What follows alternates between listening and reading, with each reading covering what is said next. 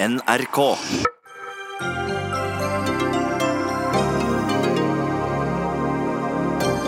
På skattebetalernes regning brukte Innovasjon Norge 500 000 kroner på å annonsere nyheten om Sommerøy som tidløs sone. Nå viser det seg at det hele er et PR-stunt som næringsministeren visste om. Usmakelig misbruk når Equinor bruker bilder av klimastreikene for å reklamere for oljefelt, mener Natur og Ungdom. Vi viser bare at vi tar ungdommen på alvor, svarer Equinor.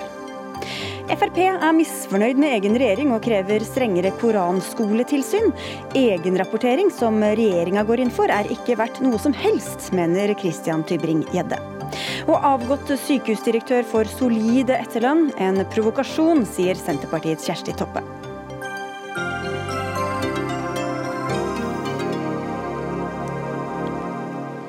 Vel møtt til dagens Dagsnytt 18, hvor vi også får besøk av statsminister Erna Solberg. Jeg heter Sigrid Solund.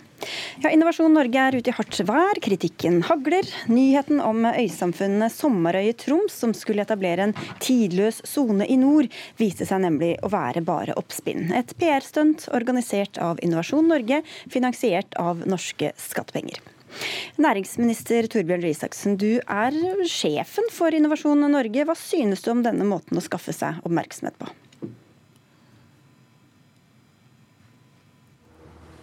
Hallo? Hallo, ja. Hørte du meg? Hei. Nei. Du, Nei, beklager, jeg, jeg falt ut. skjønner. Du, du er på plass nå. Hva synes du om, om denne måten som, som denne saken har fått oppmerksom på? Altså den måten å gå fram på som Innovasjon Norge har gjort? Når nå saken har blitt rullet ut i sin fulle bredde, og vi også får eh, informasjon både om kostnader, ser eh, måten det har blitt håndtert på, hva som er sendt ut også av informasjon som ikke stemmer, så mener jeg det er helt på sin plass av Innovasjon Norge å legge seg langflate. Jeg mener at dette er ikke sånn skattebetalernes penger skal brukes. Og jeg mener enda viktigere at, eh, at det er helt avgjørende at man har tillit til informasjon som kommer fra det offentlige.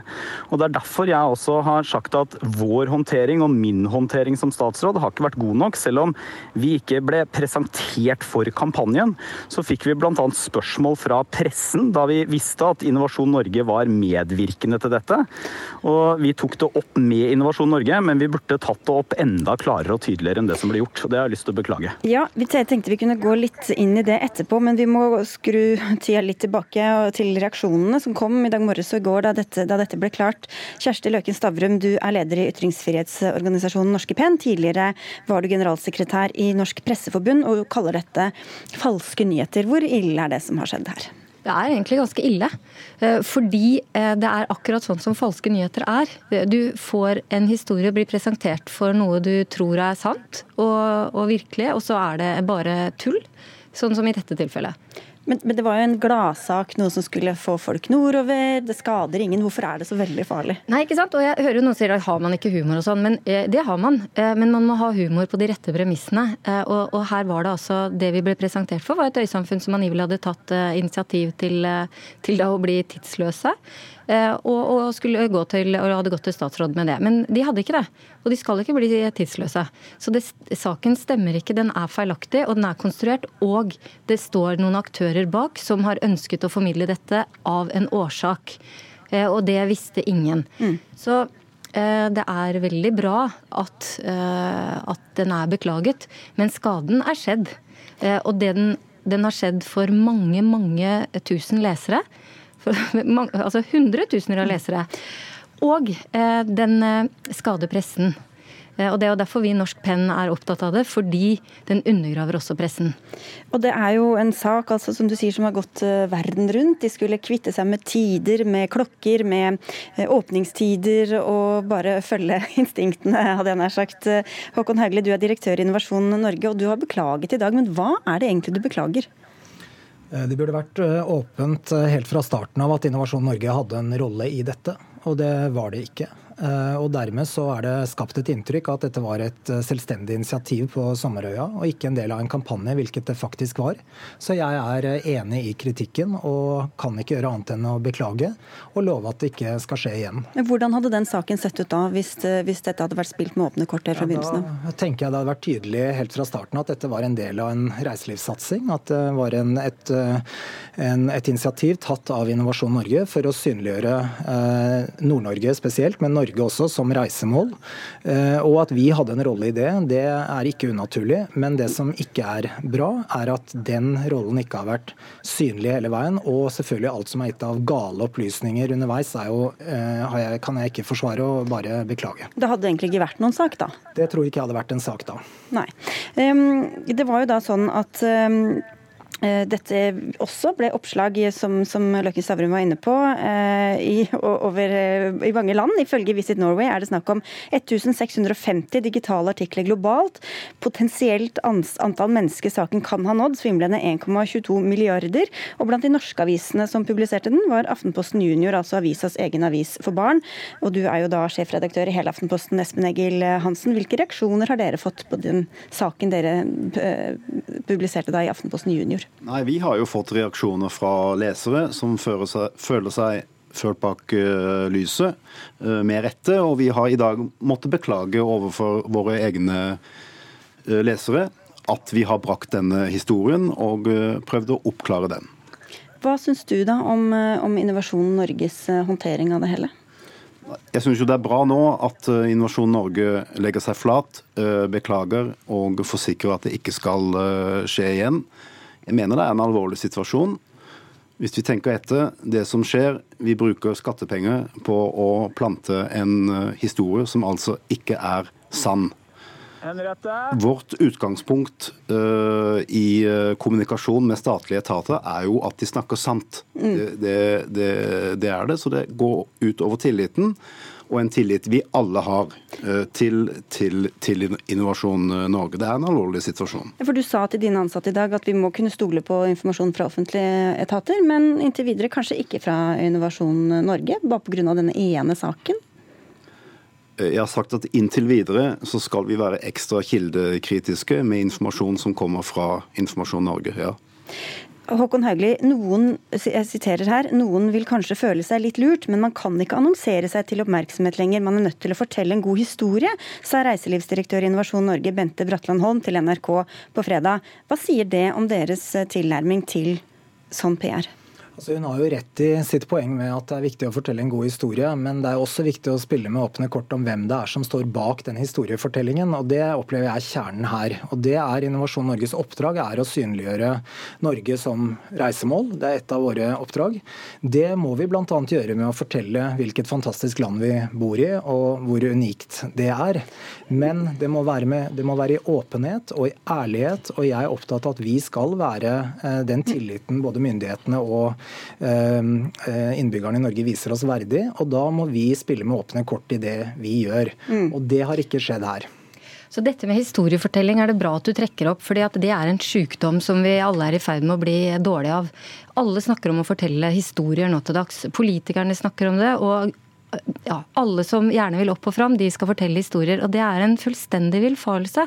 Det man mener når man snakker om det, er at man skal bruke gode formidlingsteknikker. Man skal ikke fortelle eh, historier som ikke er sanne. Eh, og der, der har det skjedd en, en, massiv glidning som Innovasjon Norge egentlig bare er en del av. Så det, det må flere ta til seg i denne saken her. fordi det er nå blitt så logisk at man liksom i fullt alvor sier at man skal fortelle en historie. Nei, man skal fortelle sannheten, men man skal gjøre det på en god måte. Men hvis du da sier at det er jo fullt av unøyaktigheter og regelrette feil og skjeve vinklinger osv. i pressen absolutt hele tiden, så hvor rettferdig er det å skyte så voldsomt på, på Innovasjon Norge i denne ene saken? Jo, nettopp, og det er også et godt poeng. Men dette med historiefortelling er én sak for seg, for det mener jeg er en samfunnssykdom. Eh, når det, når det, det, andre poenget du drar fram nå, er det, er det andre som også gjør meg veldig bekymret. for fordi, nettopp fordi pressen eh, ofte tar feil, eh, ikke alltid har 100 rett, eh, og mange er uenige i fremstillinger. Så kommer dette litt sånn som hånd i hanke i en sånn sak. fordi nå, nå skytes det jo, ser jeg i sosiale medier, på pressen også. Pressen burde skjønt. Og det man i hvert fall kan legge seg på minnet, er at pressen er ofte et resultat av kilder. Stort sett er det et resultat av kilder. Og man er et resultat av kilder som snakker sant, som snakker usant, eh, som lyver eller som tror det selv, eh, eller som driver med eh, villfarelser. Og, og, og, her har vi liksom en sum av flere ting, da. Og da er det også, så kan man jo spørre Espen Egelhansen, og nå snakker jeg altså Innovasjon, nei, NRK gikk jo også på, på dette agnet. Eh, dere gjorde det, mange andre. Hvorfor sjekket ikke dere da i dette tilfellet saken grundigere før man trykket den? Her må vi jo bare ta selvkritikk. Vi burde ha sjekket uh, grunn, uh, grundigere og bedre, og kanskje burde vi avslørt uh, at det sto PR-byråer og aksjoner bak dette. Dere hadde jo barn med i deres reportasje. Hvor fant dere dem, da? Eh, det fant vi gjennom eh, skolen på Sommerøy. Ja, Så det var ikke en pakke fra Innovasjon Norge eller Nei, andre som ble presentert? Det er viktig, viktig, å understreke at de barna som har uh, latt seg intervjue av uh, junior, de har ikke gjort noe galt. Her er det voksne som har snakket usant, ikke barn. Håkon Helge, du har sagt at du ikke kjente til denne saken før den ble sprakk, for å si det sånn, i pressen i etterkant. Så du, visste, du visste ingenting. Men da tilbake til deg, Røe Isaksen. Når fikk du vite om dette stuntet? Vi, vi, fikk vite først det fulle Uh, altså alt om dette, uh, bl.a. at det kostet 500 000 kroner, at det sto PR-byråer bak, har vi fått vite de siste dagene. Uh, men 22. mai i år så fikk vi en henvendelse med flere saker som Innovasjon Norge lurte på om vi kunne være med på. Og da ble noe av dette beskrevet, men det ble beskrevet på en måte som, eh, som for oss virket veldig, veldig tilforlatelig. Grunnen til at jeg sa klart nei til hva med da, var at det var en kommersiell kampanje, og jeg deltar ikke i kommersielle kampanjer. Men det var ingenting i den e-posten og sånn den var formulert på.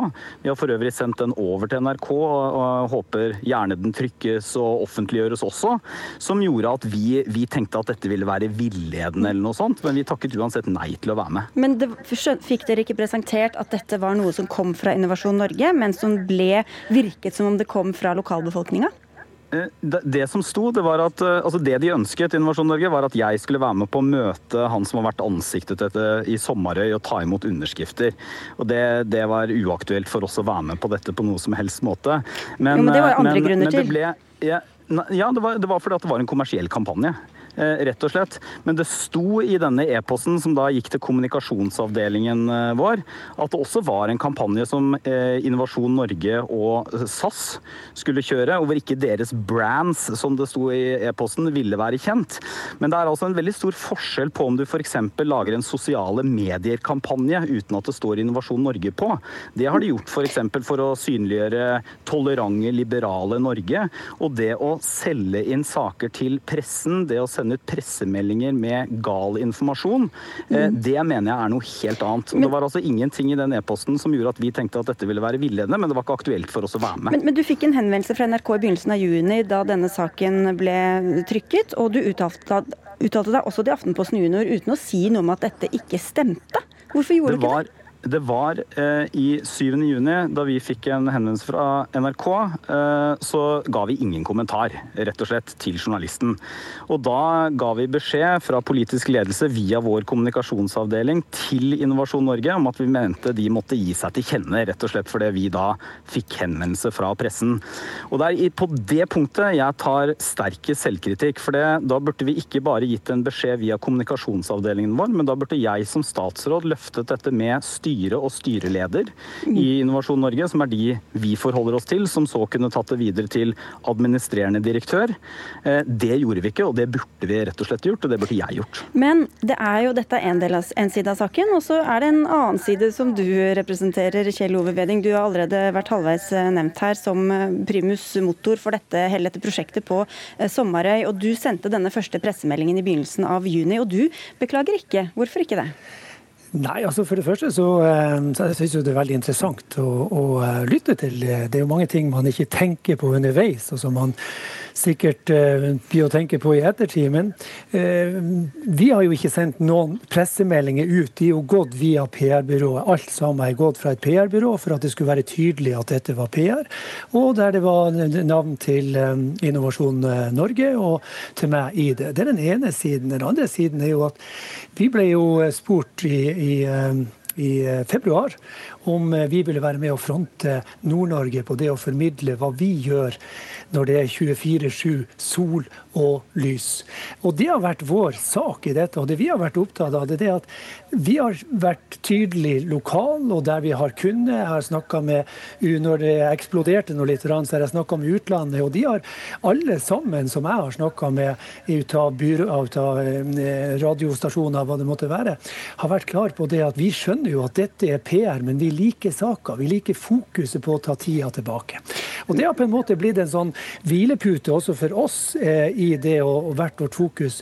Og eh, vi, Vårt mandat var jo å, å, å, dele, og det vi har delt her fra Sommerøya, det er jo hvordan vi leve. Og så har vi spissa det med dette her eh, klokkestuntet som har liksom vært den der for å få fokus. Ja, og det er klart at eh, Jeg ser jo her på sånn, det som står i pressemeldinga at i ettertid så vil jeg beklage, og det har jeg også sagt til eh, de på PR, at der burde vi ha vært mer eh, mer korrekt i f.eks. at det var min idé, mm. eh, sånn som det står der. Men, men, en, unnskyld men, men en ting er jo da uh, hvem som er avsender, og hvem, om det er tydelig nok eller ikke. Men hvor mye er det faktisk som stemmer? Fordi her virker det som om dette er et, brev, et bredt tiltak fra lokalbefolkningen. De henger fra seg klokka, de vil gi opp, gi opp tiden og gi opp stengetider og det ene med det andre.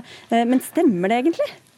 Du vet at uh, I den som var sendt ut, så har vi jo spissa, ble det jo spissa uh, mye. Det ja, spissa Betyr det at det er riktig, eller betyr det at det ikke er riktig? Ja, så Det betyr at det, det, som vi har visst gjennom både filmen, det vi gjør på kveld og natt og ellers sånn, det er det vi gjør facts. Vi har ikke laga eh, fake news. og Innledningsvis så sa vi det at det vi er med å vise og dokumentere at vi gjør, for det var det det har vært snakk om hele tida. Men er det representativt? Er det representativt for befolkningen på øya deres?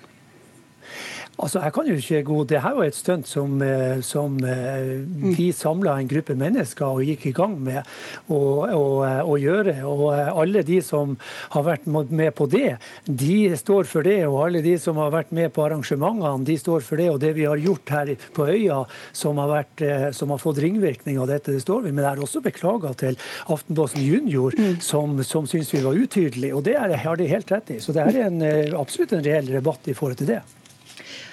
Altså det, eh, man har jo ikke vært utydelig, man har valgt å fremstille noe som ikke det, det var. Eh, og så ser jeg også at Innovasjon Norge har eh, eller at det er regnet om hvilken verdi det har hatt av denne presseomtalen. Altså det var før, før, denne skandalen var et faktum. Så har man sagt at det er en verdi av 11,1 millioner kroner eller noe sånt nå. Og jeg tenker jo at det vil si at pressen har kastet bort ressurser tilsvarende den summen. Og det er ikke første gang jeg ser at man regner om redaksjonell omtale i, i PR-kroner. Så hvis man skal gjøre, liksom, gjøre, sette en, en sette ned spettet her, da. For jeg frykter jo at dette ikke egentlig er første gang. Jeg tror faktisk ikke at dette er første gang man klarer å lykkes med noe sånt. Men så mener jeg egentlig at da er det en erstatningssak, da. Hvert 11,1 mm. millioner. Altså noen burde gå til søksmål? Ja, altså Hvis det er sånn at man faktisk har eh, fått verdier tilsvarende den summen man har regnet seg fram til, så har altså pressen kastet bort sine ressurser, og tillit i tillegg, eh, til en, en tilsvarende og egentlig da høyere verdi. Ja, det er vel til dere det går til, da, Håkon? Altså, det er i hvert fall helt åpenbart for oss at vi skal ettergå alt som har skjedd i denne enkeltsaken, og eh, gå gjennom alt vi har av rutiner for å forhindre at dette skjer igjen. Men dere ønsker et presseoppslag eh, som da kan, og, og, og hvor grundig går dere da gjennom hvor representativt det skal være, det dere presenterer, hvor sant det skal være, hvor riktig det skal være? Ja, men altså Det er helt åpenbart at alt vi sier skal være sant, og det er det ikke vært i denne saken. og Det er eh, veldig alvorlig, og jeg kan ikke si det tydelig nok. Og Så handler det jo om hvordan er det vi ivaretar vårt reiselivs samfunnsoppdrag. Og det må vi jo gå gjennom og sikre at vi gjør på en måte som er forenlig med andre samfunnshensyn. Bl.a. tilliten til offentlig sektor generelt og Innovasjon Norge spesielt, og vårt samspill med pressen. Dette er, eh, om ikke, altså, i tillegg til alt annet, er jo bekymret for eh, tillitsdimensjonen i dette. Mm. Og det, klart, det har en kostnad som kanskje er betydelig større enn det vi da har spart i redaksjonell omtale. Ja, ja, nå har det vært sjeldent, sjeldent mange beklagelser eh, rundt hele bordet, men det er jo én aktør som mangler, og det er jo PR-bransjen. Eh, som snakker om etikk. De burde, burde, vært her. Det hadde vært interessant å, å vite er dette innafor det PR-bransjen eh, kan eh, gjøre, eller er det ikke det. Du skal ikke se bort fra at det kommer noen oppfølginger, men bare helt på tampen, Espen Egil Hansen. Vi skal snart snakke om en, en sak som på en måte vedgår dere også, fordi Aftenposten har jo også fått kritikk for samarbeid med nettopp PR-bransjen tidligere, og bl.a. da i denne saken vi snart skal snakke om. Er det grunnlag også fra deres side på å være så høye og mørke i denne saken? Eh, litt usikker på hvilken sak Vi skal snakke om Equinors uh, annonsering i Aftenposten. Equinor annonserer hos oss, og når det gjelder annonser, så er vi prinsipielle. Hvis en annonse er lovlig, eller hvis den, med mindre den er sterkt villedende, så slipper den til. Det gjelder enten det er et oljeselskap eller det er en miljøorganisasjon. Ja, men det var mer sånn om, om det alltid er like tydelig at, uh, hvem som er avsender, uh, som jo var på en måte mer den temaet i denne saken også. Da. Ja, da må jeg nesten få svare på det. ja. Og når det gjelder Equinor-annonsene, ja, vi er svært tydelige, og vi forholder oss til det regelverket som er. Ja, det er tydelig. Ok. Dere, da blir det i hvert fall et møte mellom deg, Håkon Haugli, og Torbjørn Røe Isaksen, høres det ut som. Og så får vi se hva PR-bransjen sier etter hvert også. Takk skal dere ha alle sammen for at dere kom til Dagsnytt 18. Håkon Haugli, Kjersti Løken Stavrum, eh, Espen Egil Hansen, til deg Torbjørn Røe og til Kjell Ove Veding med fra Sommerøy. Dagsnytt 18 alle hverdager klokka 18.00 på NRK P2 og NRK2.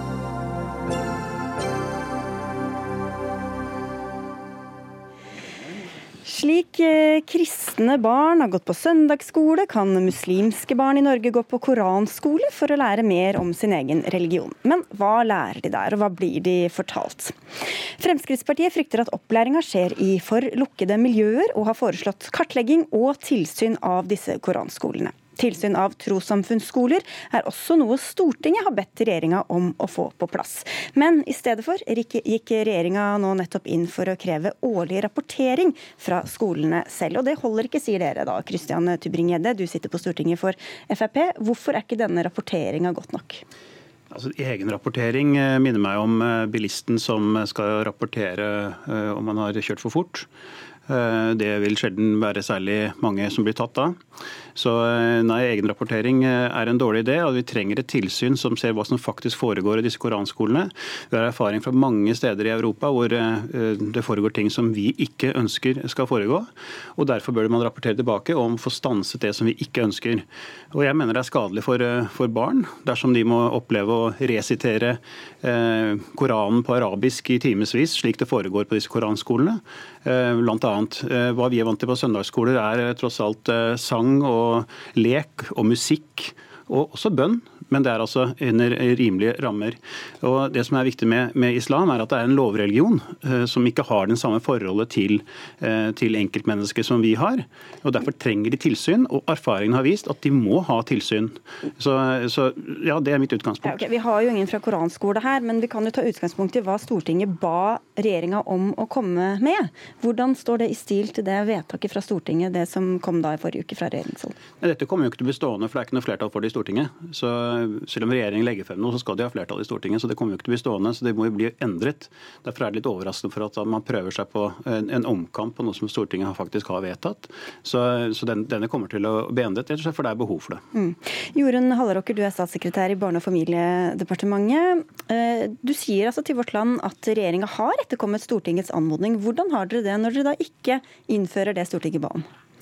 Ja, nå har jo regjeringen akkurat lagt fram en eh, stor melding og en proposisjon om tros- og livssynssamfunn.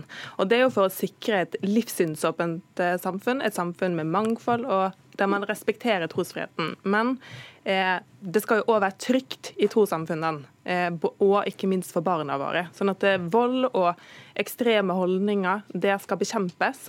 Men eh, det som er viktig, det er at vi finne virkemiddel som faktisk medfører at vi tar vare på barna våre. For Det er jo det som jeg opplever er den største frykten her, at, at barna ikke blir ivaretatt. Og Da må vi finne de virkemidlene som er best til å eh, ivareta barn. Ok, men jeg vet ikke hva du svarte på, Det var ikke mitt spørsmål, tror jeg. fordi jeg spurte Hvorfor, svarer, hvorfor kommer dere med noe annet enn det vedtaket fra Stortinget? Vi følger opp eh, vedtaket fra Stortinget. Vi eh, sikrer flere tiltak enn bare eh, noen få. Vi sier at vi skal sikre mer åpenhet. Åpenhet om det indre liv i trossamfunnene. Det er viktig, fordi at eh, da får man mer innsyn, mulighet til dialog. I tillegg så stiller vi tydeligere krav til, eh, til betingelsene for å få tilskudd. I tillegg så sikrer vi rapportering, som du nevner, men vi òg eh, gir mulighet for tilsyn. Og hvordan det tilsynet skal være, det må vi komme tilbake til når vi skal utarbeide forskrifter eh, som skal være hjemla i loven. Ok, Så her kommer det flere forskjellige tiltak. Tybring-Gjedde. Hvorfor er akkurat altså- bare dette tilsynet så saliggjørende? Nei, tilsynet er for at du trenger noen utenfra til å, til å se hva som foregår. Og tro at uh, de muslimske lærde skal rapportere tilbake hva som foregår der, eller at noen av barna skal fortelle hvordan, hvordan de har det, det kommer ikke til å skje. Og Det som også er viktig i fremtiden, som det har vært også flere debatter om, ikke minst i Drammen, hvor det har vært stått frem med barn som har faktisk blitt mishandlet mishandlet på koranskoler. Og nå vurderer å gå til søksmål mot staten som ikke tok vare på dem. Eh, og Det kan vi risikere i fremtiden, fordi at eh, dette er jo et feigt vedtak. Istedenfor man vil ha kontroll på det, så velger man en annen måte å gjøre det på. Og så må må jeg si dette med ekstreme holdninger. Eh, hvor mener da statssekretæren disse ekstreme holdningene kommer fra? De må jo komme fra islam. Det er du enig i hvis hvis, hvis de har ekstreme holdninger. Og Det er fordi at de siterer bl.a. Koranen. Og Koranen sier ting konkret. Hva du faktisk skal gjøre med de vantro, hva du skal gjøre med homofile, hvordan du skal behandle kvinner, hvordan, skal, hvordan konvertering skal straffes okay, osv. Vi går ikke så langt inn i det, for du kan sikkert finne ting i Bibelen også som ikke står Nei, så, så godt finne, i Du kan ikke finne Nytestamentet etter reformasjonen, så finner du ikke det. Og Dessuten så læres ikke det på søndagsskoler. Å likestille søndagsskole og koranskoler er en totalbom av regjeringen. Jeg beklager å måtte si det. Ok, Du får svare på det, Halleraker. Ja, altså når det gjelder på en til utfordringen i Norge, så har vi jo vist at det, eh, utfordringen i Norge med koranskole er jo at foreldre sender eh, barna sine til koranskoler i utlandet. Man har ikke kunnet dokumentert i Norge at det har skjedd eh, overgrep. Da er det på en måte noen i trossamfunnet som utfører handlinger, og det, det, slår vi jo ned på. Det har vi jo en straffelov som skal slå ned på, så vi skal etterforske og i, i rette gå. Hvordan skal du finne ut av om det skjer eller ikke? Nei, da, da mener jo vi at åpenhet er jo en mulighet til å kunne avdekke vold og overgrep. Jeg mener jo at eh, skal man, skal, eh, Ved å trekke statsstøtten, så blir trossamfunnet mer lukka, mer tilbaketrukken. Og disse barna som du er bekymra for, og som, som, er det som er det viktigste Vi skal jo sikre en god og trygg oppvekst for barna. Og da er det viktig med åpenhet, sånn at man får innsyn i hva som skjer i, de, i trossamfunnene, og ikke, ikke bare Eh, ta fra de trosstøtten, for da blir det mer lukka og mer tilbaketrukket. Og de kan få tilskudd fra andre stater som vi ikke ønsker at de skal få innflytelse fra. Som ikke respekterer eh, Selvmotsigende. Altså, selvsagt er det barn som er i, er i, fokus her, men det er barn som blir indoktrinert i disse holdningene.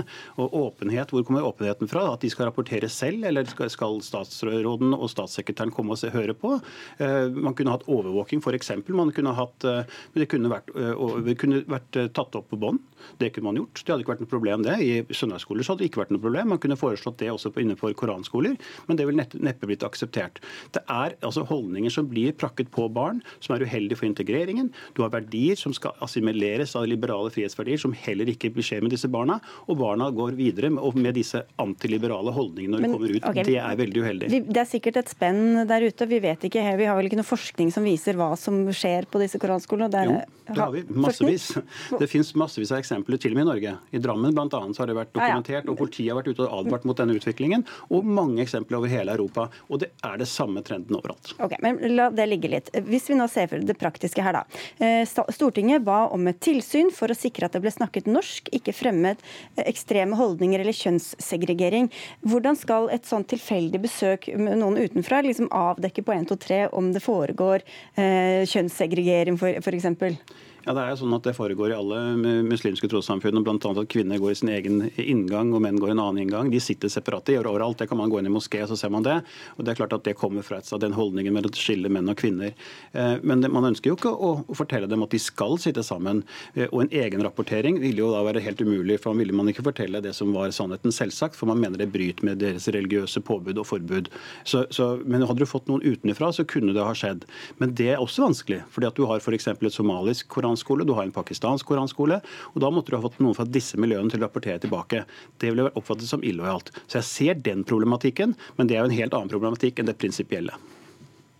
Ja, jeg er jo helt uenig, fordi jeg mener at det å bare ta fra noen statsstøtten, ikke eller be om et tilsyn. Fordi da ville jeg, Hvis du kommet hjem til meg og et tilsyn, så ville jeg lagt frem alt det gode jeg gjør, ikke alt det som ikke er så bra. Sånn at det, eh, det blir like naivt, vil jeg si. Jeg tror at Skal du få til at man skal beskytte barna, så trenger vi åpenhet, vi trenger dialog. Men Hva består den åpenheten i? Hva slags tiltak er det som skal sikre den åpenheten? Det er bl.a. at man skal sikre åpenhet om interne praksiser i trossamfunnene, om læredokument. Det betyr at det skal være offentlig, ikke bare for myndigheter som skal føre tilsyn, men òg for offentligheten. At man skal få innblikk i hva som skjer. Og Det er jo viktig for å sikre Hvordan skjer det?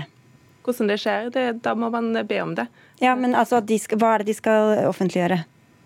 Det skal være offentlig hva som er på en måte læredokumentene. Hvis det står i læredokumentet at eh, noe er galt, så kan man jo, det kan medføre at man eh, trekker fra tilskuddet. Så det, det som på en måte skal være åpent, det er jo hvilket grunnlag er det som ligger for det trossamfunnet? Hvordan er det de praktiserer sin tro? Men, men, hvem er det som sikrer at det som de skriver der, at det stemmer overens med virkeligheten?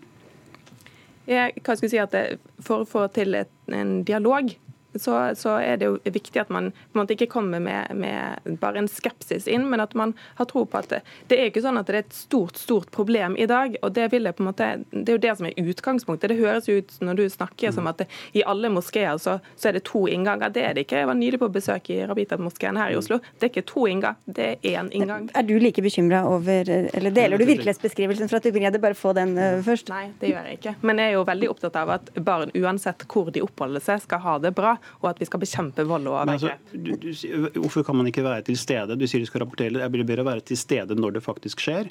Og jeg vil oppfordre da noen som da holder tilsyn, at de er til stede under denne koranskolene, og være til stede når de faktisk foregår.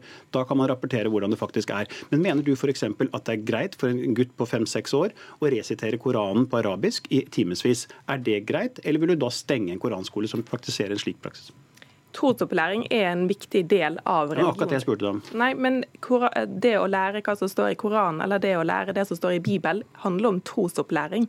Og kan Du kan ikke skille ut på eh, muslimer fra kristne. Jo da, det kan Nei, det kan du ikke. Det skiller seg ut selv. Nei, for trosopplæring er en del av det, det, islam er en lovreligion. Det handler ikke bare om tros- og eh, religionsfriheten, det handler også om foreldreretten. Nei. Nå kommer vi helt sikkert til å få noen klager for at ikke du har noen fra muslimske menigheter her, så vi får bare beklage det på forhånd. Men si tusen takk for at dere kom, i hvert fall Jorunn Halleråker, statssekretær i Barne- og familiedepartementet fra Kristelig Folkeparti, og Kristian Tybring-Gjedde, som er stortingsrepresentant for Fremskrittspartiet.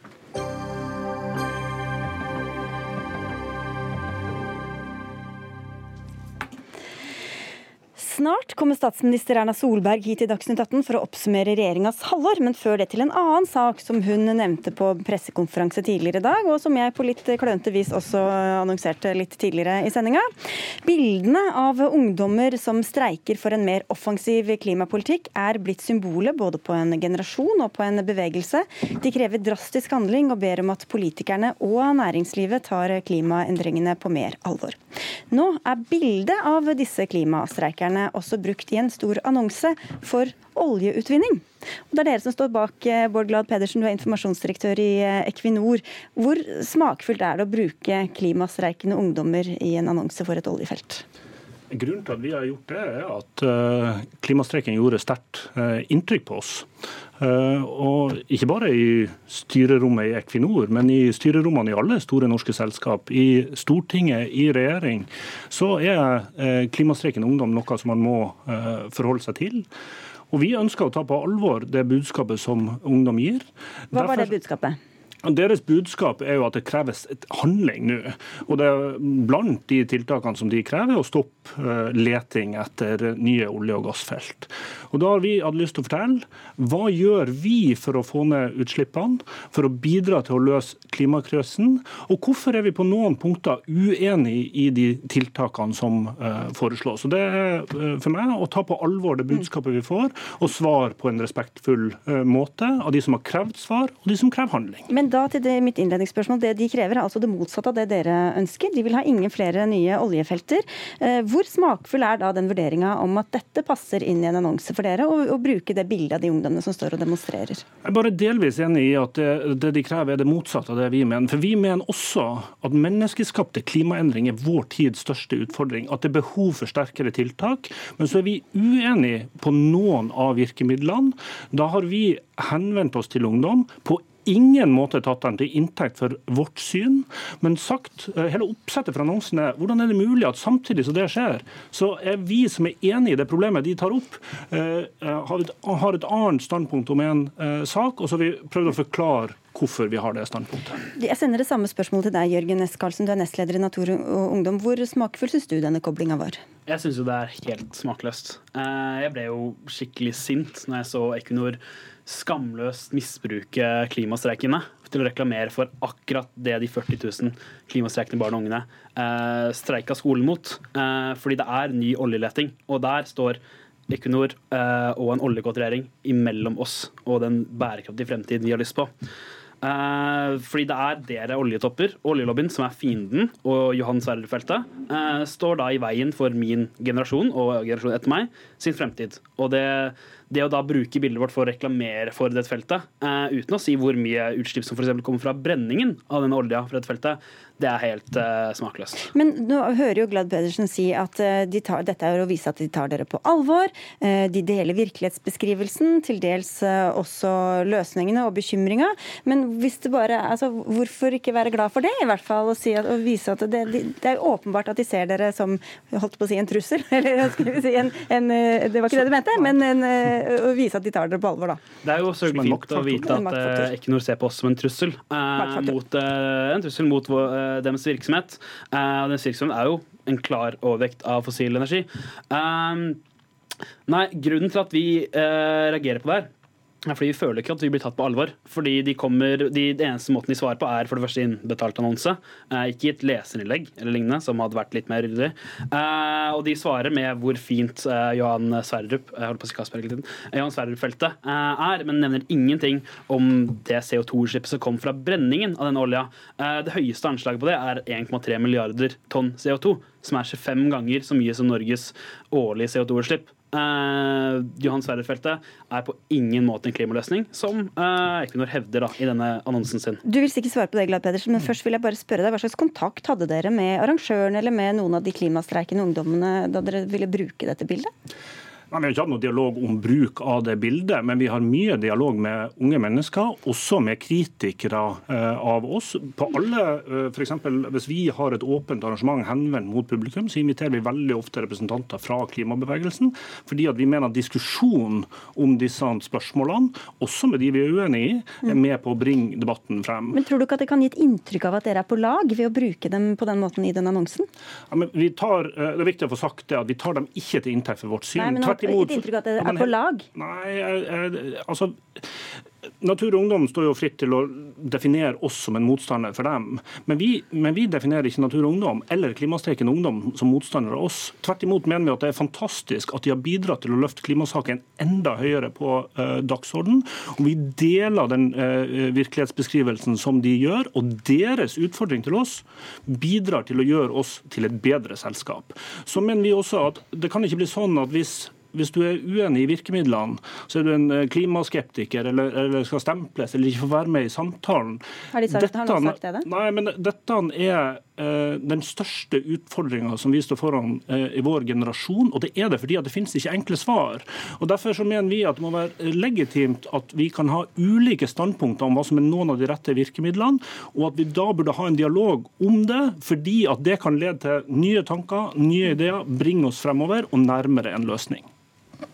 De vil ha dialog gjennom annonsen? Eh, merkelig måte å starte dialog på, men nok om det, egentlig. Eh, vi setter veldig pris på dialog, og vi håper jo at eh, dere hører på litt liksom, Ikke bare hører på hva vi har å si, men også gjør noe av det vi foreslår. F.eks. For å faktisk gå inn for å være et energiselskap for fornybar energi. Akkurat nå så har, er 95% av investeringen til Equinor i fossil energi. Mm. Men, det er ikke et fornybar energiselskap. Men, men hva i disse annonsene er det som er faktisk feil?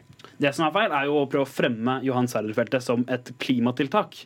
Eh, det er det på absolutt ingen måte når det feltet skal produsere til hva 2070, og innen 2050 så må vi ha netto null utslipp. Vi kan ikke ha nye oljefelt som Johan Sverdrup i en klimavennlig framtid. Men som du var inne på, så er det sånn at 95% eller noe sånt nå av alle utslippene fra olje kommer jo når det brennes, ikke når det produseres. Altså Dette er jo ting som ikke går på vår klimaregnskap når vi da selger denne oljen til andre land. Samtidig så er det i norsk sammenheng veldig mange av utslippene som kommer fra nettopp produksjonen. Og Her viser jo da Equinor at de tar dette på alvor og får ned utslippene på norsk sokkel. Så hvorfor ikke vise fram det også? Fordi Man kan ikke bare snakke bort de eh, mange ti ganger så mye, eller hva det er, 20 ganger så mye, eh, større utslippene som kommer fra brenningen, når det er en så større, mye større andel av klimagassutslippene. Og vi må rett og slett regne de utslippene fra oljen og gassen vi selger ut. Det det vil være helt uansvarlig å ikke gjøre det. Vi må gjøre begge delene. Eh, for det er helt riktig at størstedelen av utslippene vi sier det faktisk i annonsen også, eh, kommer fra brenning av olje og gass. Derfor er forbruket av olje og gass nødt til å gå ned. Samtidig så må vi dekke det behovet som er, med lavest mulig utslipp. Og et gjennomsnittlig oljefat i verden i dag som produseres, har 25 ganger så høye utslipp som Johan Sverdrup. Et fat fra oljesand har 100 ganger så høye utslipp. Sånn at det at vi produserer her med så lave utslipp som vi gjør på Johan Sverdrup, bidrar, sammenlignet med et gjennomsnittlig oljefat, så sparer det 110 millioner tonn CO2. Det er dobbelt så mye som Norge slipper ut eh, på et år. Så vi, vi, vi, vi er i dreining. Vi skal satse mer på fornybar. CCS er en del av svaret. Altså, karbonfangst og, lagring, ja. og, og, og, lagring. Men også skritt for å produsere med lavere utslipp. En del av det vi er nødt til å lykkes med hvis vi skal nå eh, klimamålene. Ja, selv hvis vi erstatter all uh, f.eks. du nevnte uh, oljesand. Uh, hvis vi erstatter de verste fossile kildene, sånn som kull, selv hvis vi erstatter det med gass, så kommer vi ikke til å nå togradersmålet. Og det er det som er så enormt viktig å gjøre, for de har ikke tid til å vente. Vi har visst om klimaendringene i, ja, lenger enn jeg har levd, i hvert fall. Mm. og det er først nå vi begynner å snakke om å slutte med oljeleting. Vi burde jo redusere produksjonen allerede nå. Du hørte innledningsvis også at Equinor roser dere og takker dere på sett og vis også. Og det er jo mange som gjør det både fra politisk og næringslivshold. Hvordan opplever dere og de streikende ungdommene denne omfavnelsen? Det oppleves klamt. Og si, litt ekkelt, egentlig. Eh, fordi vi føler jo at vi ikke blir tatt på alvor i det hele tatt. Eh, vi føler ikke at de 40 000 eh, barn og unge som er ute eh, og streika skolen 22. mars, blir tatt på alvor. Og det er trist, da. Og det vitner om at eh, regjeringen eh, og flere andre politikere på Stortinget også, at oljeselskapene ikke tar ansvar. og og står i veien da, for en bærekraftig fremtid. Du skal få fem sekunder før vi skal slippe inn eh, neste gjest. Ja, understreke at Vi ønsker å ta på alvor, vi ønsker å lytte. Men det betyr ikke at vi er enig i alle tiltak. Og så ønsker vi å beskrive hva vi gjør, fordi at vi erkjenner at vi må bli bedre. Vi må lykkes bedre, både med å få til vekst gjennom fornybar, og for å få ned utslippene for olje og gass. og det vi, vi har Hundrevis av de beste ingeniørene i landet jobber med disse utfordringene i Equinor, eh, og det gir også noen resultater som vi viser med Johan Sverdrup. Det kan hende vi fortsetter noe av dette i neste innslag. Vi sier tusen takk til dere begge to, Bård Glad Pedersen fra Equinor og Jørgen Næss Karlsen fra Natur og Ungdom.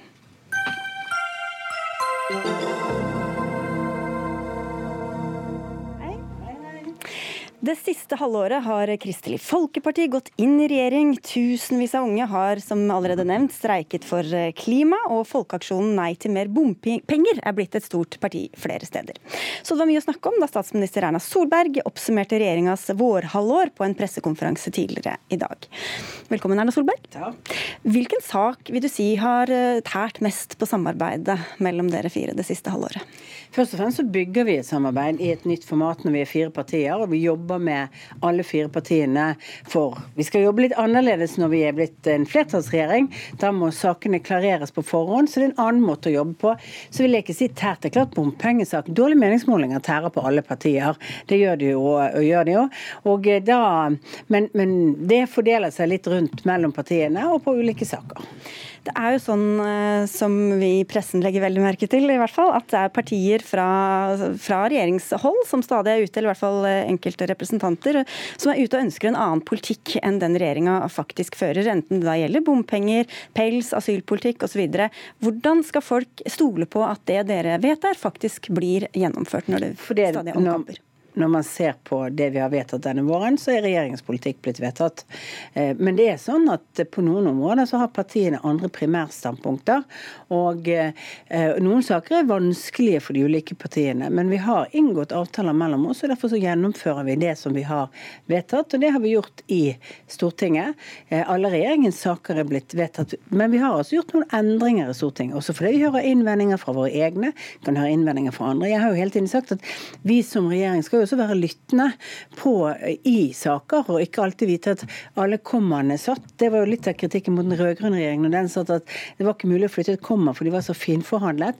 Jeg har en annen tilnærming til det. Vi skal lytte til våre folk på Stortinget, men vi som fire partier skal bli enige. Men dette er jo noe du har både fått ros for og kritikk for. Uh, og, og vi hadde nettopp en debatt mellom en statssekretær fra KrF og en stortingsrepresentant fra Fremskrittspartiet. Hvor går grensa, syns du, for hva enkelte politikere kan si eller bør si, enten de sitter i regjering eller Stortinget? Eh, jeg mener at vi kommer aldri ha et, det, det, er ikke mulig for borgerlige partier å si at alle skal gå i takt hele tiden. Det er ikke sånn borgerlig politikk fungerer. Underforstått sånn gjør det i andre partier. Sånn, nemlig ikke sånn borgerlig politikk fungerer at når, noen har, når det liksom er sånn alle går i takt. Det er ikke sånn internt i Høyre heller. Når landsmøtet vårt har vedtatt, så fortsetter fortsatt folk å mene noe de mente før landsmøtet. Sånn er vi. Det er frihetssøkende folk som er på borgerlig side. Da, men det som er viktig, er at de stemmer igjennom. Så må de gjerne argumentere annet. Men det som er, det som er viktig, er jo faktisk at man eh, gjennomfører den politikken vi i fellesskap blitt, blitt enige om.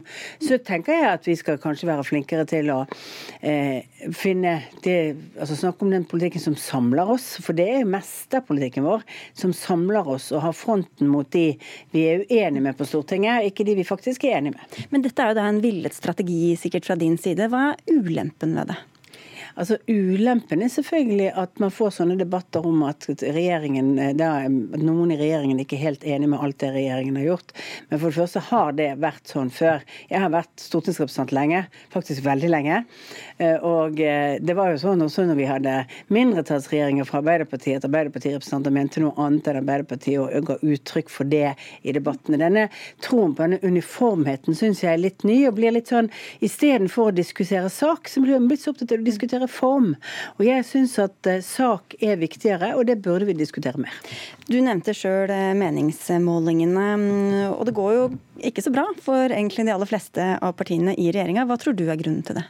Jeg mener jo vi har tatt til etterretning at vi ikke har klart å skape nok entusiasme rundt politiske sakene. Noe av det er jo fordi vi har levert på noen av de sakene som har vært kontroversielle, også mellom de fire partiene, hvor velgerne våre ikke er helt enig i at vi har gitt Venstre gjennomslag på ett område, eller KrF på et annet område. Så folk vil ikke ha politikken deres? Nei, altså, altså, poenget er at det er noen kompromisser for å få til et borgerlig samarbeid. Så er det klart at de sakene kan være vanskelig å tære på noen av velgerne. Og da skaper vi ikke entusiasme. Samtidig så er jo noe av jobben vår å få frem fellesskap og de felles sakene som vi står for, den retningen. Eh, og derfor er det jo sånn at hvis du ser på Norge, så går Norge veldig godt for øyeblikket. Vi fikk i dag nye arbeidsledighetstall på 3,2 Største utfordringen mange nå snakker om, er mangelen på arbeidskraft ute.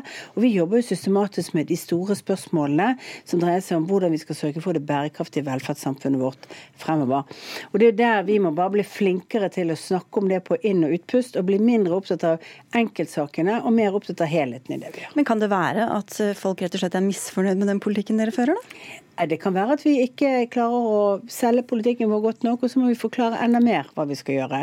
Det er jo sånn at det er ikke alle ting en regjering gjør som vil skape entusiasme hos folk. For det er f.eks. sånn at vi må gjøre prioriteringer. Noen sier at vi har penger til alt.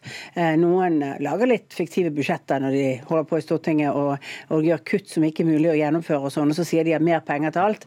Mens eh, vi som regjering, vi synliggjør jo alle de tingene vi gjør, og de blir en realitet. Og da er det selvfølgelig noen saker folk ikke er enig i, men noen av de sakene er ganske viktige, som er med på å skape bærekraften fremover.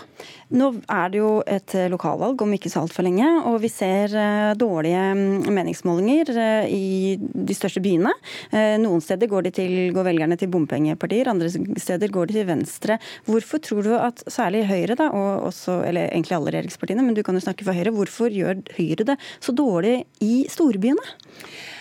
Ja, nå er det akkurat denne måneden at vi har fått et fall, og så er det akkurat i dag på Bergens Tidendes måling. og Det tenker jeg at det kan godt tenkes at det blir veldig annerledes i neste omgang. Eh, eh, Trondheim hadde kjempedårlig ja, for noen uker ja, siden. Høyre, jo, men altså, I Bergen så har Høyre hatt, vært det største partiet eh, på meningsmålingene stort sett hele denne våren.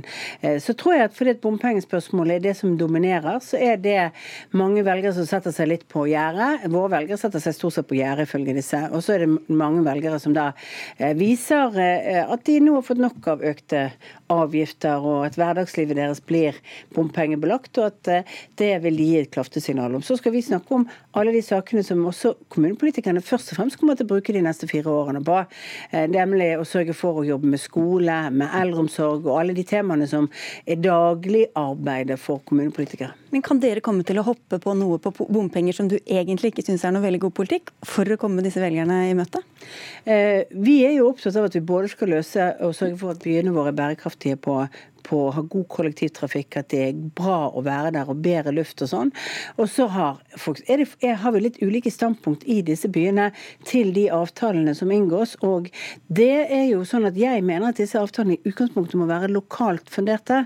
Være, for det er lokalpolitikerne som tar ansvar for både å sette i gang med et bompengeprosjekt og lage disse avtalene. Så gir regjeringen mer penger enn noen gang til nettopp å bidra til å løse utfordringer på kollektiv i byene. Men eh, det betyr at det kan være ulike løsninger. Si. Når vi akkurat inngått avtale i Trondheim som jeg tror alle har vært fornøyd med. Så tror jeg at eh, diskusjonen kan være annerledes i Bergen enn f.eks. i Rogaland. Og så var det sånn, eh, Du snakket både om bompenger og om klima i pressekonferansen i dag. Regjeringa hadde et ekstraordinært møte om nettopp bompenger. Hvorfor gjorde dere ikke det samme da det viste seg at klimagassutslippene går opp når de skulle gå drastisk ned? For det første fordi at klimagassutslippene hvis du ser fra 2015 til i dag går ned. I fjor satt jeg i dette studioet jeg satt i mange andre studier og skulle forklare at grunnen til at det gikk så mye ned i 2000, fra 2017 til 2018, det var pga. at vi brukte for mye, mye, palmeolje. Nå har vi altså faset ut palmeoljen, og det gjør bl.a. at du får en liten ja, Men er ikke det noe som bekymrer deg? Men det store bildet er jo faktisk at, at vi nå ser endringene i teknologien. Vi ser det grønne skiftet. De første fem månedene av dette året så er 45% av nybilsalget på elbiler. Vi ser at på biodieselbiten så ser vi nå at innblandingskravene som denne regjeringen nå har økt, og har skapt markedet eh, og arbeidsplasser knyttet til biodieselproduksjon på avansert biodiesel istedenfor palmeolje, det begynner å virke. Så vi ser jo alle disse langsiktige trendene som kommer til å levere på lavere utslipp hvert eneste år. Og så gikk vi avtale med bøndene før helgen. Vi lanserte et nytt nullutslippsfond for eh, næringstrafikken, så vi gjør veldig mye. Og vi er selvfølgelig bekymret for dette. Men ikke så bekymret som for bompengene?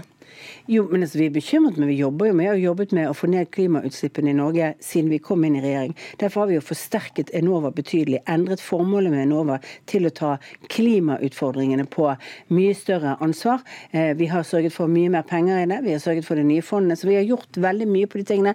Men det er sånn at det tar litt tid før beslutningene fattes. Det tar tid før en bedrift har investert i nye produksjonsmetoder for å få ned utslippene. Det tar tid for hver enkelt. Du og jeg skifter bil, f.eks. Eh, og kjøper da en mye mer utslipps, eh, altså en utslippsfri bil i fremover. ok, du, eh, Takk skal du ha, Erna Solberg, eh, for at du kom til Dagsnytt 18, og god sommer. God sommer. Takk, for kjøpen. en Hør Dagsnytt 18 når du vil. Radio NRK Radio.nrk.no.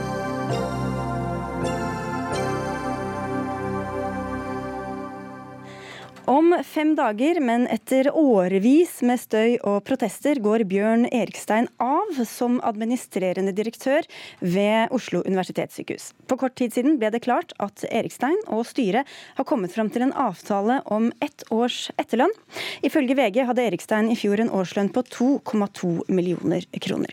Kjersti Toppe, du er helsepolitisk statsperson for Senterpartiet og har vært kritisk til både lønninger og sluttpakker. Hva syns du om denne avtalen som ble klar i ettermiddag? Mm.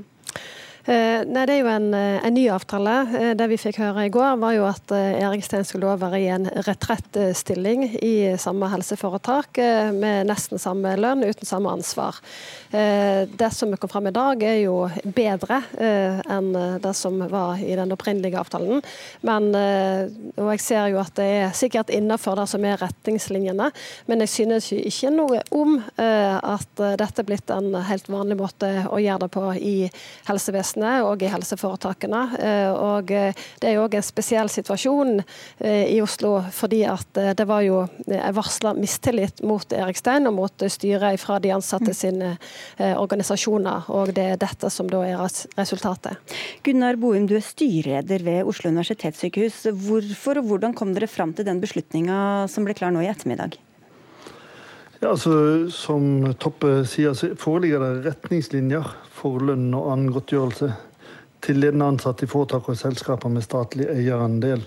Og vi eh, har eh, gjennom de dagene som har gått nå, forhandlet og diskutert hva som er beste løsning, helhetlig vurdert, både for eh, Oslo universitetssykehus og Bjørn Erikstein. Og da har vi kommet til at en avtale innenfor de retningslinjene som gir ett års etterlønn, er den beste måten vi kan håndtere alle hensyn samlet sett. Men Hva er det som har skjedd etter at den forrige avtalen ble inngått, og fram til den nye? Altså, Vi har vært i en samtale, fortløpende samtale, og vi har diskutert litt frem og tilbake hva er fornuftige arbeidsoppgaver. Og så har vi kommet til at kanskje det aller beste er å ikke ha arbeidsoppgaver. Få uh, følge de statlige retningslinjene som er tilkommet etter at uh, Bjørn Eriksteins egentlige arbeidsavtale ble inngått. Hvorfor er det best for han å ikke ha arbeidsoppgaver? Jeg tror det er best for helheten at eh, det settes et klart skille mellom eh, eh, direktørjobben som han har gjort, og det å fratre som han nå tydeliggjør. Mm. Du, Kjersti Toppe, to millioner eller drøyt er jo ikke så mye penger sammenlignet med andre næringslivsledere som har langt mindre ansvar enn en sykehusdirektør på dette nivået har. Hva mener du egentlig at de skal tjene, og hva slags avtaler er de skal kunne inngå? Mm. Nei, det, det, er sant at uh, det er ikke så, så, så masse i, i lønn uh, opp mot andre næringer. Men det som er spesielt i helseforetakene, at det er så mange ledere uh, som har så høy lønn. Det er ikke bare topplederne. NRK hadde jo en sak i, i fjor om at det var 131 av, 133 av 141 ledere i Helse Sør-Øst som hadde lønninger godt over millionen. og Det gjaldt òg økonomisjefer, personalsjefer. Mm. Så dette er jo en ukultur ved hele helseforetaksmodellen eh, som mange reagerer på. Når det òg eh, kommer fram at det er så mange som har en sluttavtale eh, som en ikke ser er er vanlig når en, i helsevesenet, eh, så, det, så rokker jo det med tilliten eh, til de som driver sykehus. Det er et problem. Vi har mange eksempel på at eh, toppsjefer går, de får gjerne en annen stilling, og de beholder lønna si. Ja, hvor, Eller, hvor god råd har dere egentlig på universitetssykehus, Bovim? Altså, Direktøren ved Oslo universitetssykehus er leder for vel 20 000 hardt arbeidende ansatte. Og jeg tror hovedproblemet som vi i styret nå drøfter, er, er å finne frem Klare å rekruttere flinke, kloke, trygge, stødige mennesker til å gå inn i disse krevende jobbene som er å være direktør. Der du står mellom fag, helse, politikk, økonomistyring, men, driftsforhold, krevende prioriteringer. Men her er det mange direktører som Toppe er inne på, så til sammen så utgjør det jo ganske store summer, da? Ja, Styrets eh, mandat er å gi lønn til administrerende direktør. Og vi, eh, vi er, Min opplevelse er at en lønn på størrelsesorden 2,3 millioner i en sånn virksomhet som Oslo universitetssykehus er, er en det er, en, det er en moderat kompensasjon for en, for en, veldig unikt krevende jobb. Og det er sånn, Vi har forsøkt å få Bjørn Erikstein, han ønsket ikke å stille. Vi har også forsøkt Helsedepartementet, som ikke kunne. Men Bovim han har jo valgt da Erikstein å gå av selv. Hvorfor skal han premieres for det med et helt års lønn, etterlønn? Altså, det er jo sånn at man, Når situasjonen ble så tilspisset som den ble, så min vurdering at Bjørn Hegstein tok et betydelig ansvar og gjorde det som skulle til for at Oslo universitetssykehus kunne komme rundt et hjørne og utvikle seg videre. Mm. Og når man tar et sånt ansvar, så syns jeg ikke det er rimelig at man skal komme vesentlig dårligere ut enn om man, enn om han hadde sagt at jeg vil absolutt fortsette, og det hadde låst seg enda mer. Så jeg, jeg syns en konstruktiv løsning som, som, jeg tror er til beste både for foretaket, for helsetjenesten og for Bjørn Erikstein, er, er, er rimelig håndtert. Ja, men Det er det som gjør denne saken rimelig spesiell. Eh, for Foranledningen eh, til saken saka og sluttavtalen er jo at det var et mistillit mot både ledelsen som sådan og mot Erikstein spesielt. Ikke fra et, ikke fra et flertall? Det var iallfall behandla et mistillitsforslag. Og når dette blir løst på en minnelig måte ved at Erikstein ikke blir sagt opp, han har styret sin tillit, men velger å gå sjøl, så blir det underlig. Og jeg, eh, Når en da er inne på eh, dette fra Bovims side, at dette var en minnelig ordning, så må jo jeg spørre Bovim hvordan han da mener at eh, de ansatte skal ha tillit eh, til eh, styret når en behandler Erik Stens avgang ved å si at han har tillit eh, og gir han en lukrativ Tiden avtale. Løper, da kan du få ti sekunder på det til slutt, Bovim. Altså, Vi i styret er svært opptatt av og bekymret for at tillitsforholdet i Oslo universitetssykehus er slik det er. Hele styret kommer til å arbeide hardt for å opparbeide en eh, godt og tillitsfullt samarbeid mellom ansatte, ledelse, styre og brukere. Det er en hovedoppgave for okay. oss. Dere, dere, vi må si tusen takk, Gunnar Bovim og Kjersti Toppe, for Dagsnytt 18 har ikke mer tid. Ansvarlig for sendinga var Leila Feratovic. Teknisk ansvarlig Stein Nybakk, og jeg heter Sigrid Solund og ønsker en fin kveld videre.